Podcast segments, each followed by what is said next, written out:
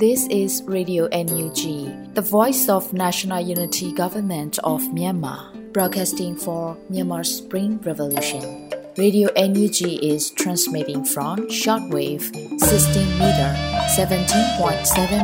MHz at 8:30 a.m. and 25 meter 11.94 MHz at 8:30 p.m. Myanmar Standard Time. မင်္ဂလာပါရှင်။ မြို့သားညီညွတ်ရေးအစိုးရရဲ့အတန်နှုန်းဌာန Radio NUG ကိုမနက်ပိုင်း၈နာရီခွဲမှာလိုင်းတူ16မီတာ19.89 MHz ၊ညပိုင်း၈နာရီခွဲမှာလိုင်းတူ25မီတာ17.6 MHz တို့မှာဓာတ်ရိုက်ဖမ်းယူနိုင်စေနိုင်ပါရှင်။မင်္ဂလာအပေါင်းနဲ့ပြည့်စုံကြပါစေ။အခုချိန်ကစပြီး Radio NUG အစီအစဉ်လေးကိုဓာတ်ရိုက်အတန်လွှင့်ပေးနေပါပြီရှင်။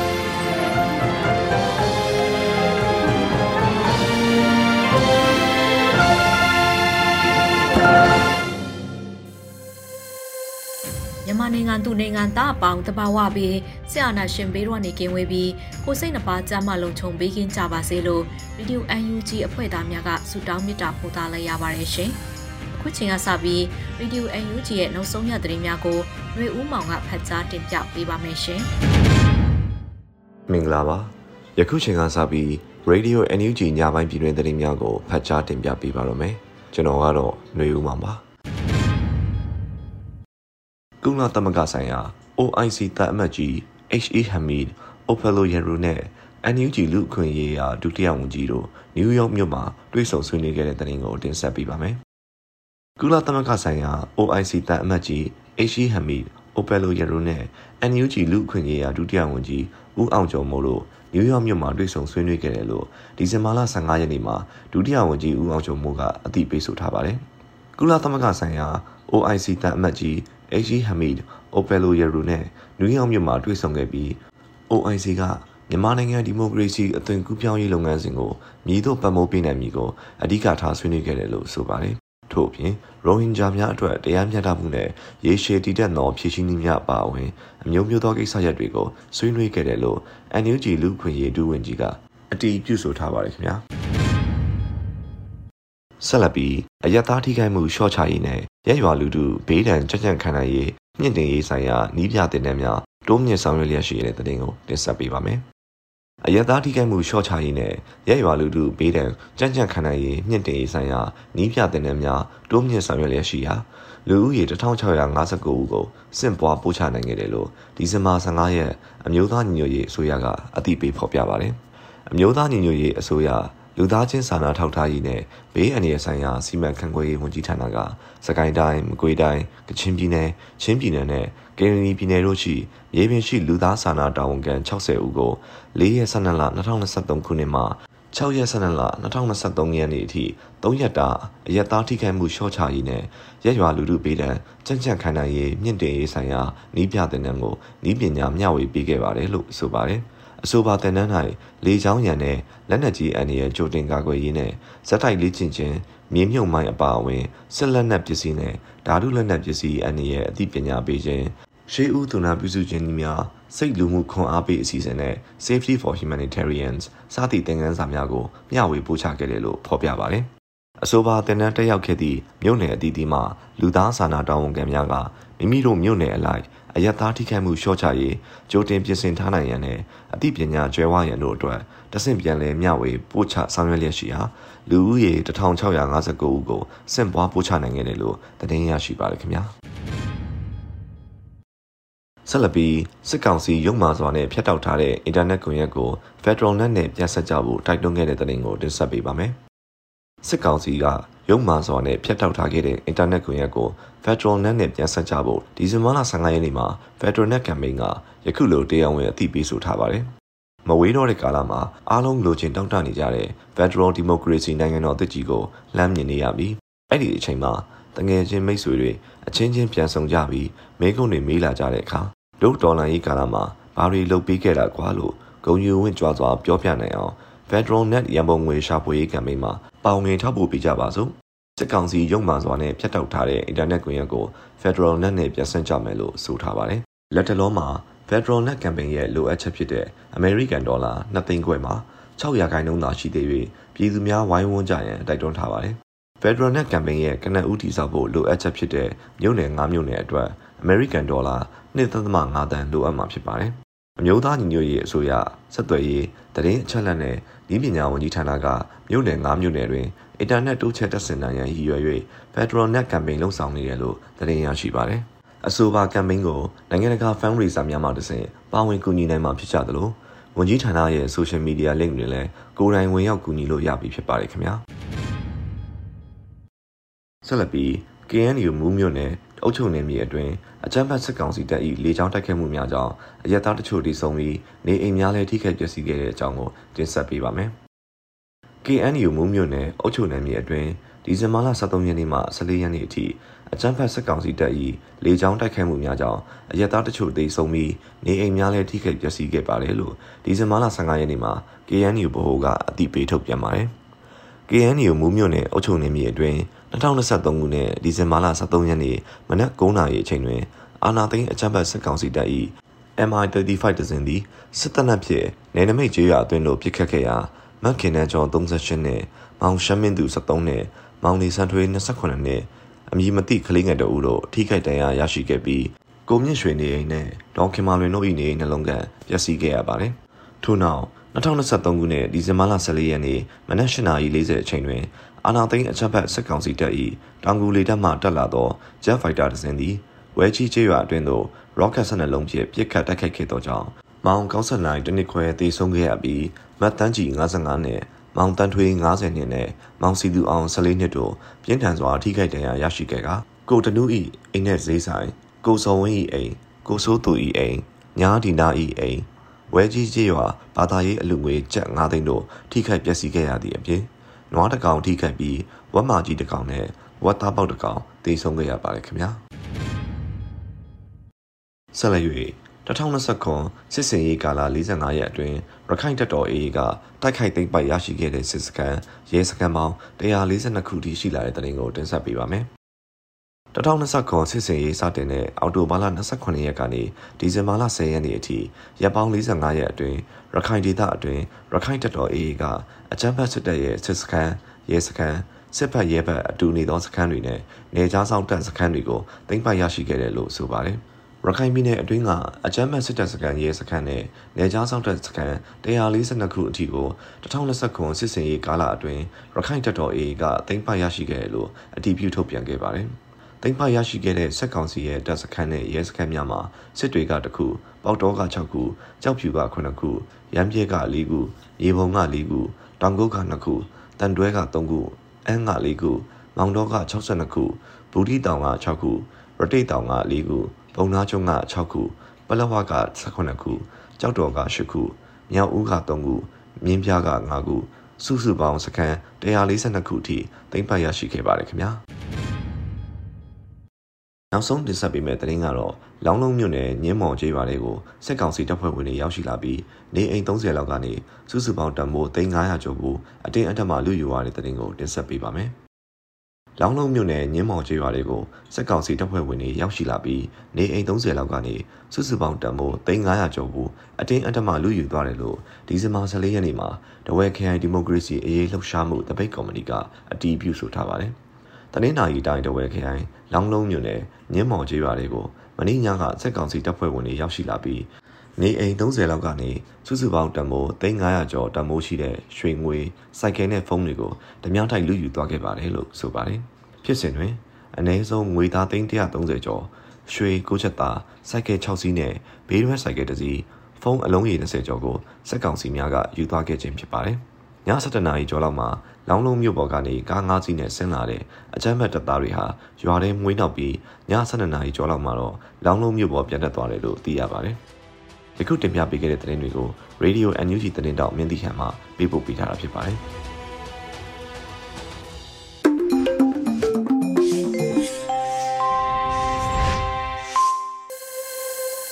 နောက်ဆုံးရသတင်းများကိုနားဆင်ကြရတာဖြစ်ပါတယ်။ဆက်လက်ပြီးတော်လှန်ရေးကြပြတပုတ်ကိုနားဆင်ရဖို့ရှိပါတယ်။ ခိုင်မာကြော်စုံရေးဖွဲ့ထားတဲ့ခြေထောက်ကလေးမင်းနေတဲ့ဆိုတဲ့ကြပြကိုຫນွေဦးမှုကရွတ်ဖတ်ထားပါတယ်ရှင်။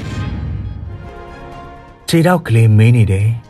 ။အဲ့ဒီလူကြီးညာတယ်။သမီးတို့ကိုကြောင်းတက်ပါလို့ပြောပြီးကြောင်းသွားခြင်းတဲ့သမီးချစ်တော်လေးကိုရဲရဲဆက်ဆက်ဖြတ်ယူသွားတယ်အဲ့ဒီလူကြီးညတယ်အဲ့ဒီလူကြီးညတယ်ထမင်းလျှော့စားထမင်းလျှော့စားနဲ့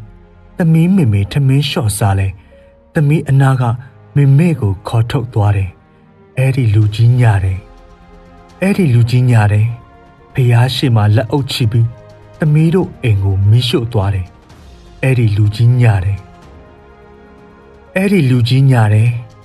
ဒီမိုကရေစီလောက်တယ်ပြောပြီးဒီမိုကရေစီလောက်တဲ့ဥဥတော်တော်ကိုကိုမမတို့ကိုတနက်ကြီးနဲ့ပြက်ပြက်တတ်တယ် အဲ့ဒီလူကြီးညတယ်သမီးခြေထောက်တွေနာတယ်နာနေတဲ့ခြေထောက်လေးတစ်ဖက်ကခြေထောက်လေးတစ်ဖက်ကိုရှာတယ်ခြေထောက်လေးတစ်ဖက်ဘယ်ရောက်သွားလဲတဲ့နာတယ်နာတယ်နာတယ်အဲ့ဒီလူကြီးညာတယ်ခိုင်မာကြော်စော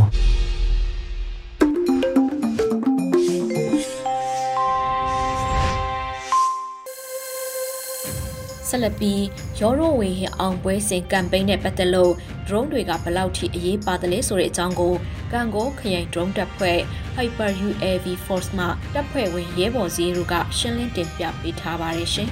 ။အားလုံးပဲမင်္ဂလာပါခင်ဗျာ။ကျွန်တော်ကတော့ကန်ကိုခရိုင် drone တပ်ဖွဲ့ Hyper UAV Force မှာတာဝန်ထမ်းဆောင်နေတဲ့တပ်ဖွဲ့ဝင်0ဖြစ်ပါတယ်ခင်ဗျ။ဒီနေ့ကျွန်တော်ကတော့ကျွန်တော်ရောဒေတာမှာဘာကြောင့် facing drone တွေကိုအသုံးပြုတင်တယ်လဲဆိုတာကိုဆွေးနွေးတော့မှာဖြစ်ပါတယ်ခင်ဗျ။ ကျွန်တော်တော်လိုင်းတပ်ဖွဲ့တွေအနေနဲ့မတီရိုတာမျိုးစား drone တွေနဲ့ face မျိုးစား drone တွေကိုဒါအဓိကထားပြီးတိုက်ခိုက်နေကြတာဖြစ်ပါတယ်ကျွန်တော်တပ်ဖွဲ့ကတော့စောပိုင်းကာလတွေမှာမတီရိုတာမျိုးစား drone တွေကိုအသုံးပြုပြီးတော့တိုက်ခိုက်ခဲ့ပါတယ်ဒါပေမဲ့မတီရိုတာမျိုးစားတွေကကုန်ကြစရိတ်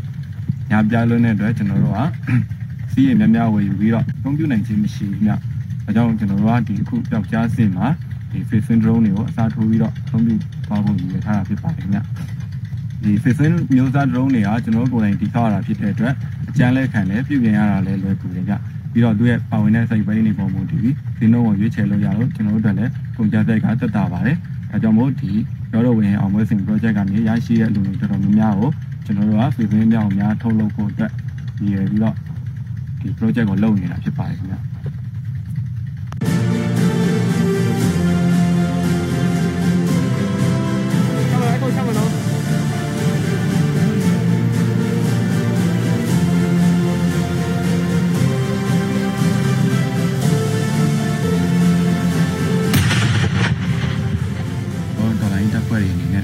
မျိုးစား drone တွေကိုတွေ့တွေ့ကြကြအသုံးပြုလာကြတာတွေ့ရတယ်ဗျ။ဘာကြောင့်မလို့ဒီ face win drone တွေကိုအသုံးပြုလာတယ်လဲဆိုတော့ face win drone တွေက multi multi rotor drone တွေထက်အတာချက်တွေအများကြီးရှိလို့ဖြစ်ပါတယ်။ဒီ face win မျိုးစား drone တွေဆိုတာကကျွန်တော်ကိုယ်တိုင်တိဆောက်ရတာဖြစ်တဲ့အတွက်ကြမ်းလဲခံလဲပြီးတော့ပြုပြင်ရတာလည်းလွယ်ကူတယ်ဗျ။ပြီးတော့အပူပစ္စည်းတွေလည်းအစားထိုးဖို့လွယ်ကူတာဖြစ်ပါတယ်။သူရဲ့ကုန်ကြတိဆောက်ရတဲ့ကုန်ကြစရိတ်နဲတာကြောင့်ကျွန်တော်တို့ကကုန်ကြစရိတ်နည်းနည်းနဲ့အစီအရင်များထုတ်လုပ်နိုင်မှာဖြစ်ပါတယ်ခင်ဗျာ။ face wing မျိုးစား drone တွေကကျွန်တော်တို့ multi rotor drone တွေတဲ့မြန်နှုံးပုံမြင်လို့ယောက်ျားစစ်စီရင်မှာအများကြီးသုံးဝင်ပါတယ်ဗျ။ရန်သူရဲ့အခြေစိုက်စခန်းတွေကိုလင်းငိုင်ဝင်တိုက်တဲ့နေရာမျိုးတွေမှာဆိုရင် face wing ဟာအတာချက်တွေအများကြီးရှိပါတယ်။သူက face wing drone တွေကပြစ်မှတ်ကိုအချိန်တိုတွင်းရောက်ရှိနိုင်လို့ကျွန်တော်တို့အချိန်ခဏတွင်းမှာအချိန်များများတိုက်ခိုက်နိုင်ပါတယ်ဗျ။ပြီးတော့ဒီကျွန်တော်တို့ကဒီ face wing drone တွေကိုဆိုရင်ဘုံကျဲဖို့လည်းသုံးလို့ရတယ်လို့ suicide drone ဖြစ်လည်းအသုံးပြုလို့ရပါတယ်ဗျ။သူရဲ့ suicide drone တွေကဆိုရင် ရန်သူရဲ့လက်နက်ကိုထောင်တွေရင်တန်းနေပြီးတော့တခြား area ကျဲတဲ့ပြစ်မှတ်တွေကိုသူရဲ့ suicide action နဲ့ဖျက်ဆီးနိုင်စွမ်းရှိပါတယ်ခင်ဗျ။နိုဝင်ဘာ3ရက်နေ့ကံကောမြို့နယ်မင်းရစခန်းကိုတိုက်ပိတ်ပြီးတဲ့အချိန်ကစပြီးတော့ကျွန်တော်ဒေတာမှာဆိုရင်စစ်ကောင်စီအနေနဲ့ဒီစခန်းငယ်လေးတွေကိုရုပ်သိမ်းသွားပြီးတော့မြို့ပေါ်ဒေတာတွေပြီးတော့ဒီစောတိရင်ရကောင်းတဲ့ဒေတာတွေမှာစုပေါင်းပြီးတော့ခုခံစစ်ကိုတေချာပြင်ဆင်နေတာဖြစ်ပါတယ်ကျွန်တော်တို့မှာ Facebook drone တွေအများအပြားရှိမှသာစစ်ကောင်စ စ်ကောင်စီထိန်းချုပ်မှုအားကောင်းတဲ့မြို့ပေါ်ဒေသတွေကိုပို့ပြီးတော့ကျွန်တော်တို့ကချင်းချောက်လာနိုင်မှာဖြစ်ပါတယ်ခင်ဗျကျွန်တော်အနေနဲ့ရောတော်ဝင်အောင်ပွဲစဉ် project ကနေရရှိတဲ့အလူငွေတွေကို Fishwin Drone အများအပြားတိစောက်ဖို့အသုံးပြုသွားမှာဖြစ်ပါတယ်ခင်ဗျဒါကြောင့်မို့ကျွန်တော်တို့ဒေသမှာလိုအပ်နေတဲ့ Fishwin Drone တွေကိုရရှိဖို့ခုပြုလုပ်နေတဲ့ရောတော်ဝင်အောင်ပွဲစဉ် project မှာအားလုံးပါဝင်ကူညီပေးကြဖို့ကျွန်တော်အနေနဲ့မြစ်တာရက်ခံချင်ပါတယ်ခင်ဗျ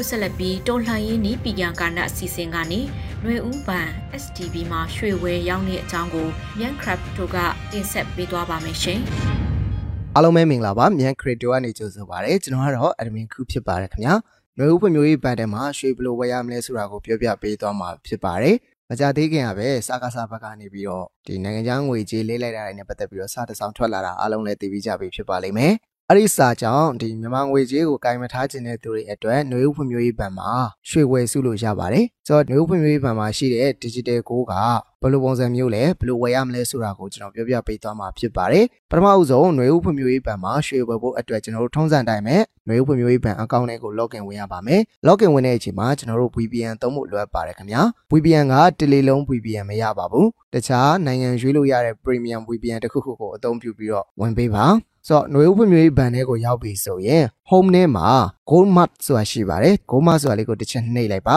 gold mart ထဲကိုရောက်ပြီဆိုရင်ဒီ ငွေဥပမာရှိတဲ့ digital ကိုကဘယ်လိုပုံစံလဲဆိုတာကိုဒီမှာရှင်းပြပေးထားတာပါပါတယ်ဒီငွေဥပမာမှာရှိတဲ့ gold token တစ်ခုကတရွေလေးနဲ့ညီမျှပါတယ်128ရွေလေးဆိုရင်ကျွန်တော်တစ်ချက်သားရှိမှာပေါ့နော်ဒီမှာပြထားတဲ့အတိုင်းဆိုရင်128 gold token ဆိုရင်128ရွေလေးရှိပါမယ်128ရွေလေးဆိုရင်ကျွန်တော်တို့အပြင်ကရွှေတစ်ချက်သားနဲ့ညီမျှပါတယ်ဒီဘက်ကတော့ဒါ international standard နဲ့ပြပေးထားတာဖြစ်ပါတယ်ပြီးတော့ဒီလက်ရှိရွှေရဲ့ဈေးကိုလည်းဒီအောက်မှာ ပြပေးထားတယ်။လောလောဆယ်မှာတစ်ကြက်သားကိုဒေါ်လာနဲ့ပြောမယ်ဆိုရင်1181ဒေါ်လာရှိတယ်။မြန်မာငွေနဲ့ပြန်ပြီးတော့တွက်မယ်ဆိုရင်ဒါ340ကျော်ရှိရပေါ့နော်။ဒါက estimate တွက်ပြထားတာဖြစ်ပါတယ်။ကျွန်တော်တို့တကယ်ဝယ်တဲ့အချိန်မှာရှိတဲ့ပေါက်ဈေးကဒီမှာပြထားတဲ့ဈေးနဲ့အနည်းငယ်ကွာနိုင်တယ်ပြီးတော့ဒီ gold token တိုင်းကနောက်မှာဘာလို့ပေးထားလဲဆိုတော့တကယ်ရွှေအစ်စ်နဲ့ပြန်ပြီးတော့ back လုပ်ပေးထားတယ်ဆိုတော့ຫນွေဥပန်ကနေပြီးတော့ဒါက ရွှေအစစ်နဲ့ပြင်ပမှာပတ်လုပ်ပေးထားတယ်အကယ်၍ပေါ့နော်နောက်တစ်ချိန်မှာကိုကကို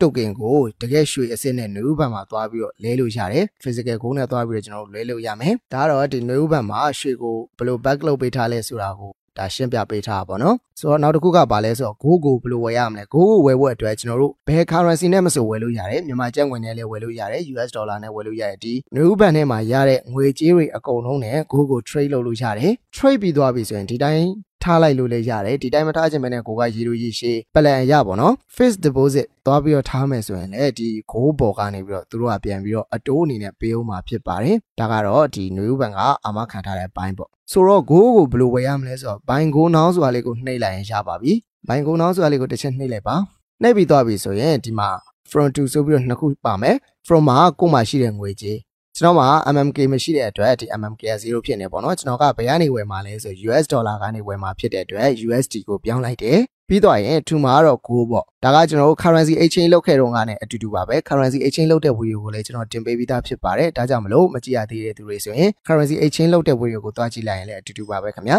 2မှာတော့ကျွန်တော်က9ကိုဝယ်မှာဖြစ်တဲ့အတွက်9ပေါ့နော်ဆိုတော့ဘယ်လောက်ဖိုးဝယ်မလဲလောလောဆယ်ကျွန်တော်9ဒေါ်လာဝယ်ကြည့်မယ် အမောင်းနေရာမှာ9လို့ရိုက်ထည့်လိုက်တာနဲ့အောက်မှာကိုပြန်ရမယ်ဂိုးပမာဏကိုသူကပြပေးတယ်0.54ဂိုးပြန်ရမယ်ပြောမယ်ဆိုရင်1ဂိုးရဲ့တန်ကြီးကတဲ့9.2887ပေါ့နော်အကယ်၍ကျွန်တော်က1 goal လိုချင်တယ်ဆိုရင်ကျွန်တော်ကဒီမှာ9.3လောက်ဝယ်မှရလိမ့်မယ်အဲ9.3ဆိုရင်ကျွန်တော်1 goal ရမယ်ဒါကဒီခံမှန်းကြီးပေါ့နော်ဒီမှာအောက်မှာလည်းသူတွက်ပြပေးထားတဲ့ exchange ရဲ့ပေါက်ဈေးရှိတယ်ဒါတွေအားလုံးပြီးသွားပြီဆိုရင်တော့ကျွန်တော်တို့ဒီအောက်နာလေးမှာ exchange ဆိုတာလေးကိုတစ်ချက်နှိပ်ပေးလိုက်ပါဆိုတော့ကျွန်တော်1 goal ဝယ်မယ်1 goal ကို9.3ဒေါ်လာဟုတ်ပြီ exchange လုပ်မယ်ဒါဆိုရင်ထုံးစံတိုင်းပဲ review transaction လုပ်တယ်ပေါ့နော်ကျွန်တော်တို့က9.3ဒေါ်လာကို6ဝယ်မယ်ကျွန်တော်ပြန်ရမှာက1ကိုနီးပါးပြန်ရမယ်ပေါ့နော်ဆိုတော့အားလုံးသိကြပြီဆိုရင်ကိုနေညို့ကိုတစ်ချက်နေလိုက်ပါကျွန်တော်ပင်နဘက်ရိုက်ထည့်ပေးရမှာဖြစ်ပါတယ်ဒါအကောင့်ဖွင့်တော့ကကျွန်တော်တို့ထားခဲ့တဲ့ပင်နဘက်6လုံးကိုဒီမှာရိုက်ထည့်ပေးရမှာဖြစ်ပါတယ်ပြီးရင် confirm ဆိုတာလေးကိုတစ်ချက်နှိပ်ပေးလိုက်ပါ ဒါဆိုရင်ရာဂိုင်နှုန်းပြည့်တဲ့အထိကျွန်တော်ခဏစောင့်ပေးရမှာဖြစ်ပါတယ်ဒါဆိုရင်တော့ transaction successful လို့ပြသွားပြီဆိုရင်ကျွန်တော်တို့ကိုဝဲတာအောင်မြင်သွားပြီဖြစ်ပါတယ် currency exchange complete ဆိုပြီးတော့ကြာလာပြီကျွန်တော်တို့ဘယ်လောက်ကိုဝယ်လိုက်လဲဆိုတော့1ကိုဝယ်လိုက်တယ်ဆိုတော့ဒါ6 token တစ်ခုပေါ့နော်နွေဥပံမှာရွှေဝယ်လိုက်တာဖြစ်ပါတယ် back to home ဆိုတာလေးကိုတစ်ချက်နှိပ်လိုက်ပါအဲနှိပ်ပြီးသားပြီဆိုရင် view mode ဆိုတဲ့နေရာလေးမှာကျွန်တော်တို့ဝယ်ထားတဲ့ရွှေကိုပြန်ကြည့်လို့ရပါတယ် ဒါဆိုရင် go ဆိုတဲ့နာမည်နဲ့ကျွန်တော်တို့ဒီမှာ1 go ဆိုပြီးတော့ပြနေပြီဖြစ်ပါတယ်ဒါဆိုရင်တော့ຫນွေဥဖွံ့ဖြိုးရေးပံမှာရွှေဘယ်လိုဝယ်ရမလဲဆိုတာကိုနားလည်မယ်လို့မျှော်လင့်ပါတယ်ကိုဝယ်ခြင်းတဲ့ပမာဏအလိုက်ကိုကိုဝယ်လို့ရပါတယ်အကယ်၍ကျွန်တော်တို့ကဒီကိုဝယ်ထားတဲ့ကိုကိုပြန်ရောင်းခြင်းနဲ့ဆိုရင်အိတ်ချင်းကနေပြီးတော့ပြန်သွားရောင်းလို့လည်းရတယ်ဒီဂိုးမကနေပြန်သွားရောင်းလို့လည်းရတယ်ဘယ်နေရာပဲသွားရောင်းရောင်းအဆင်ပြေတယ်ဝယ်ရင်လည်းဂိုးမကဝယ်လို့ရတယ်လို့အိတ်ချင်းကနေဝယ်လို့လည်းရပါတယ်ပြန်ရောင်းမယ်ဆိုရင်အိတ်ချင်းဆိုတာလည်းကိုတစ်ချက်နှိပ်လိုက်ပါနှိပ်ပြီးသွားရင် from မှာကျွန်တော်တို့ရောင်းမဲ့ ဂိုးကိုထည့်ပေးရမယ်ပြီးသွားရင်ကျွန်တော်တို့ပြန်လိုချင်တဲ့ငွေကြေးဘယ်ငွေကြေးနဲ့လိုချင်တာလဲကျွန်တော်တို့ကစင်ကာပူဒေါ်လာအနေနဲ့ပြန်လိုချင်တယ်ဆိုရင် SGD US ဒေါ်လာအနေနဲ့ပြန်လိုချင်တယ်ဆိုရင်တော့ USD ကိုရွေးပေးပါဒါကကိုလိုချင်တဲ့ဒီဘက်ကငွေကြေးကိုဒီဘက်မှာရွေးပေးဒီဘက်မှာတော့ကိုကရောင်းမဲ့ငွေကြေးပေါ့နော် အခုလောဆယ်မှာကျွန်တော်ကရွှေပြန်ရောင်းမှာဖြစ်တဲ့အတွက်ရွှေကိုရွေးလိုက်တယ်ဆိုတော့ဒီအတိုင်းကိုလိုချင်တဲ့အတိုင်းရွေးပြီးသွားပြီဆိုရင်တော့ exchange ဆိုတာလေးကိုတစ်ချက်နှိပ်လိုက်ပါနှိပ်ပြီးသွားရင် continue ဆိုတာလေးကိုတစ်ချက်နှိပ်လိုက်ပါဒီနေရာမှာပါထည့်ပေးရမှာလဲဆိုတော့ကျွန်တော် pin number ထိပ်ပေးရမှာဖြစ်ပါတယ်ပြီးသွားရင်တော့ confirm ဆိုတာလေးကိုတစ်ချက်နှိပ်လိုက်ပါ transaction successful လို့လည်းပြသွားပြီ currency exchange complete လို့လည်းပြသွားပြီဒါဆိုရင်ကျွန်တော်တို့စီမှာရှိနေတဲ့ရွှေကို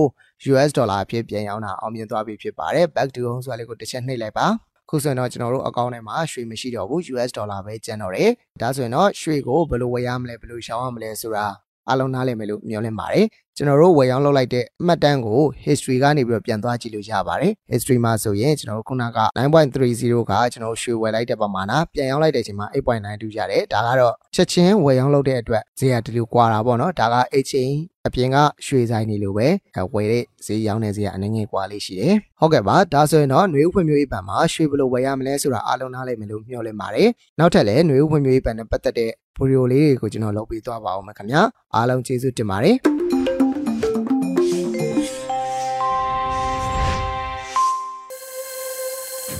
တစ်ခါနားဆင်ရမှာကတော့တန့်ငွေကျော်တင်ဆက်ထားတဲ့ဖြစ်ချောင်းကုံစီအညာတခွန်းအပိုင်း85ကိုနားဆင်ကြရမှာဖြစ်ပါတယ်ရှင်။အညာတခွင်အဖြစ်ကြောင်းပုံစံပြောပြရရင်အာနာရှင်တော်လည်းအမြင့်ဖြုတ်ဖို့မြင်တော်လူတော်မှာပြည်သူများညီညွတ်လို့ပင်ဖတ်စစ်တော်လည်းထပ်ပါလိမ့်မယ်တင် ဖက်ဒရယ်ပြည်အောင်စုရဲ့ရှိတဲ့ဖက်ဒရယ်ယူနစ်စနစ်တစ်ခုပေါ်ပေါက်လာမှဒီကံလွယ်ပင်ဖြစ်ချောင်းပုံစံအညာတခွင်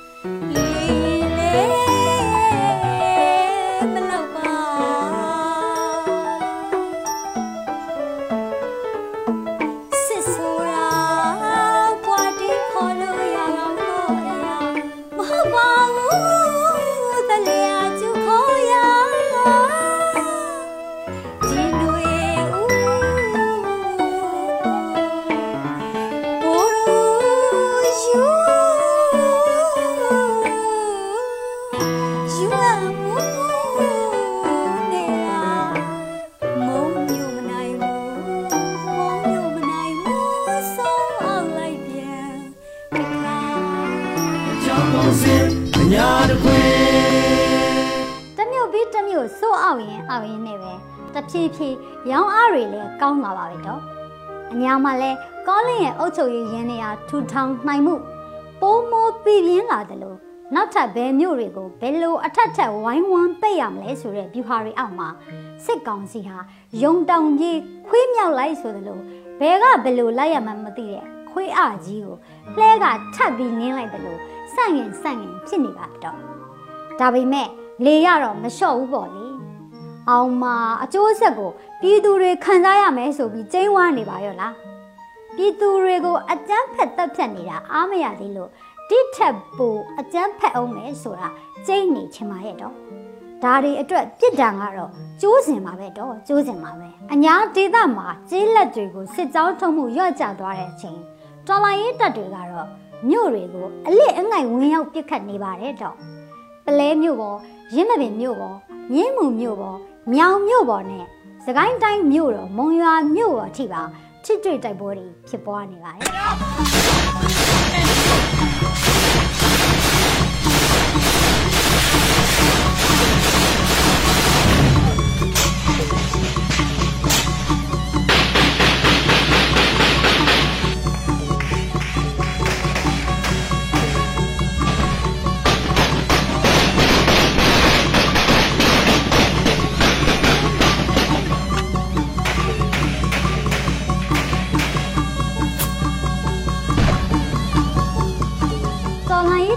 တပ်တွေဘက်ကလည်းလက်နက်ငယ်တွေနဲ့တောင်မကောက်တော့ပဲလက်နက်ကြီးတွေ drone တွေနဲ့ပါရုတ်တက်တိုက်ခိုက်ကြလို့စစ်ကောင်စီတပ်တွေလည်းအထိနာနေတယ်လို့သတင်းတွေထွက်နေပါတယ်အကြမ်းဖက်စစ်ကောင်စီတပ်သားတွေဟာမုံရွာမြို့နယ်တောပုပြရွာအနီးကြားပိုင်ရွာကအပြစ်မဲ့အရက်သား14ဦးကိုတပ်ဖြတ်သွားတယ်လို့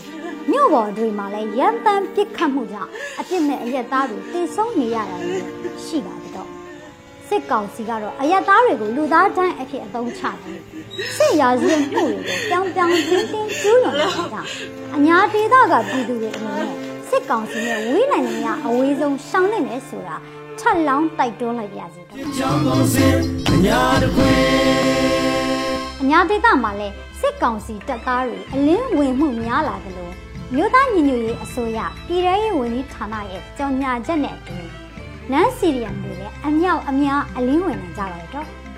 ဝင်းတုံမှာစစ်ကောင်စီလက်အောက်ခံဝန်ထမ်း44ဦးနဲ့အခြားဝန်ထမ်းတွေစုစုပေါင်းရာကနန်းအလင်းဝင်လာတယ်လို့ဒီဇင်ဘာလ4ရက်နေ့ကလည်းကတာကနန်းစီရီယမ်ဝန်ထမ်း85ဦးအလင်းဝင်လာခဲ့ကြပါတယ်တော့ဒီဇင်ဘာ9ရက်နေ့မှာလဲအင်းတော်ကနန်းစီရန်102ဦးအလင်းဆက်လက်ဝင်ရောက်လာပါတယ်တော့ စစ်ကောင်စီရဲ့အုပ်ချုပ်ရေးရန်ရာကြီးဟာမကြာမီမှာဘုံဘုံလဲပြူကြတော့မှဆိုတာဒီအချက်တွေကတက်တည်ခန်းနေပါတယ်တော့အဲဒီလိုဘုံဘုံလဲပြူကြသွားတော့မယ်တိုင်ကြီးတတိုင်းကိုမှီတွဲနေတဲ့နန်းစီရန်ဝန်ထမ်းတွေကိုလည်းအလင်းအမြန်အလင်းဝင်ကြဖို့ဖိတ်ခေါ်လိုပါတယ်တော့သိကြတဲ့အတိုင်းမအားလာဟာတေချာပေါက်အရှုံးနေတာရင်ဆိုင်ရတော့မှာမို့အရှုံးနောက်လိုက်ရင်တော့အဆုံးပဲတွေ့ရမယ်ဆိုတာအားလုံးသိကြဖို့လိုပါတယ် အချိန်ဒီအလင်းဝင်ကြမယ်ဆိုရင်တော့ပြည်သူတွေရဲ့ကြိုးစုံမှုနဲ့အတူစီစစ်လက်ခံပြီးတစ်ချိန်မှလည်းနိုင်ငံတာဝန်ကိုတင့်တင့်တဲ့နေရာကပြန်လည်ထမ်းဆောင်ခွင့်ရကြအောင်ပါပါအဲ့လိုမဟုတ်ရင်တော့အကျန်းဖက်ထောက်တိုင်အဖြစ်အပြစ်ပေးအရေးယူချိန်မှုန်းခံရနိုင်တာမို့မြစ်တာရှိဖြားဖိတ်မှန်တကပြုတ်လိုက်ရပါတယ်တော့ကိုကိုနန်းမမနန်းတို့လေအလင်းအမြန်ဝင်ကြပါတော့ဗျို့ကြောင်းကုန်စင်အညာတခွေ တကယ်တော့ပြည်သူအာဏာဖိစံမှုဆိုတဲ့စီရီယမ်လှုပ်ရှားမှုကြီးဟာဝန်ထမ်းတွေအလုံမသွားပဲနေတာနဲ့တည်းမပြီးပါဘူးတော့ပြည်သူလူထုတရက်လုံးကစစ်ကောင်စီနဲ့သူ့ရဲ့ထောက်တိုင်တွေကိုဖိစံမှုလိုပါတယ်အင်တာနက်မှာကလစ်ကလေးနှိပ်တာကအစဆန္ဒပြပွဲတွေမှာလက်ခုပ်တီးတာအဆုံးအာနာယုမအားလာကိုတော်လန်လိုစိတ်ရှိသူတိုင်းဟာစီရီယမ်လှုပ်ရှားမှုမှာပါဝင်ကြတယ်ပြီးပါပဲတော့စစ်တပ်ထုတ်ကုန်တွေမသုံးဆွဲဝဲဝေးဝေးရှောင်းတာ စစ်တပ်အပေါင်းပါတွေကိုလူမှုပြစ်ဒဏ်အဖြစ်အဆက်ဆံမလုပ်တာတွေရတယ်စီရီယမ်မှာပဲတော့ဒါကြောင့်နန်းစီရီယမ်တွေအလင်းဝင်ကြမယ်ပြည်သူအလုံးစီရီယမ်မှာပါဝင်ပြီးစစ်ကောင်စီကိုရရနည်းနဲ့တခဲနဲ့စန့်ကျင်ကြမယ်ဆိုရင်စကားစနေကုန်းဟာမကြခင်အသုံးသတ်နိုင်လိမ့်မယ်လို့လေးလေးနက်နက်ယုံကြည်ဖြစ်ပါတယ်။အများကြီးပဲ။ကြောင်းကုန်စင်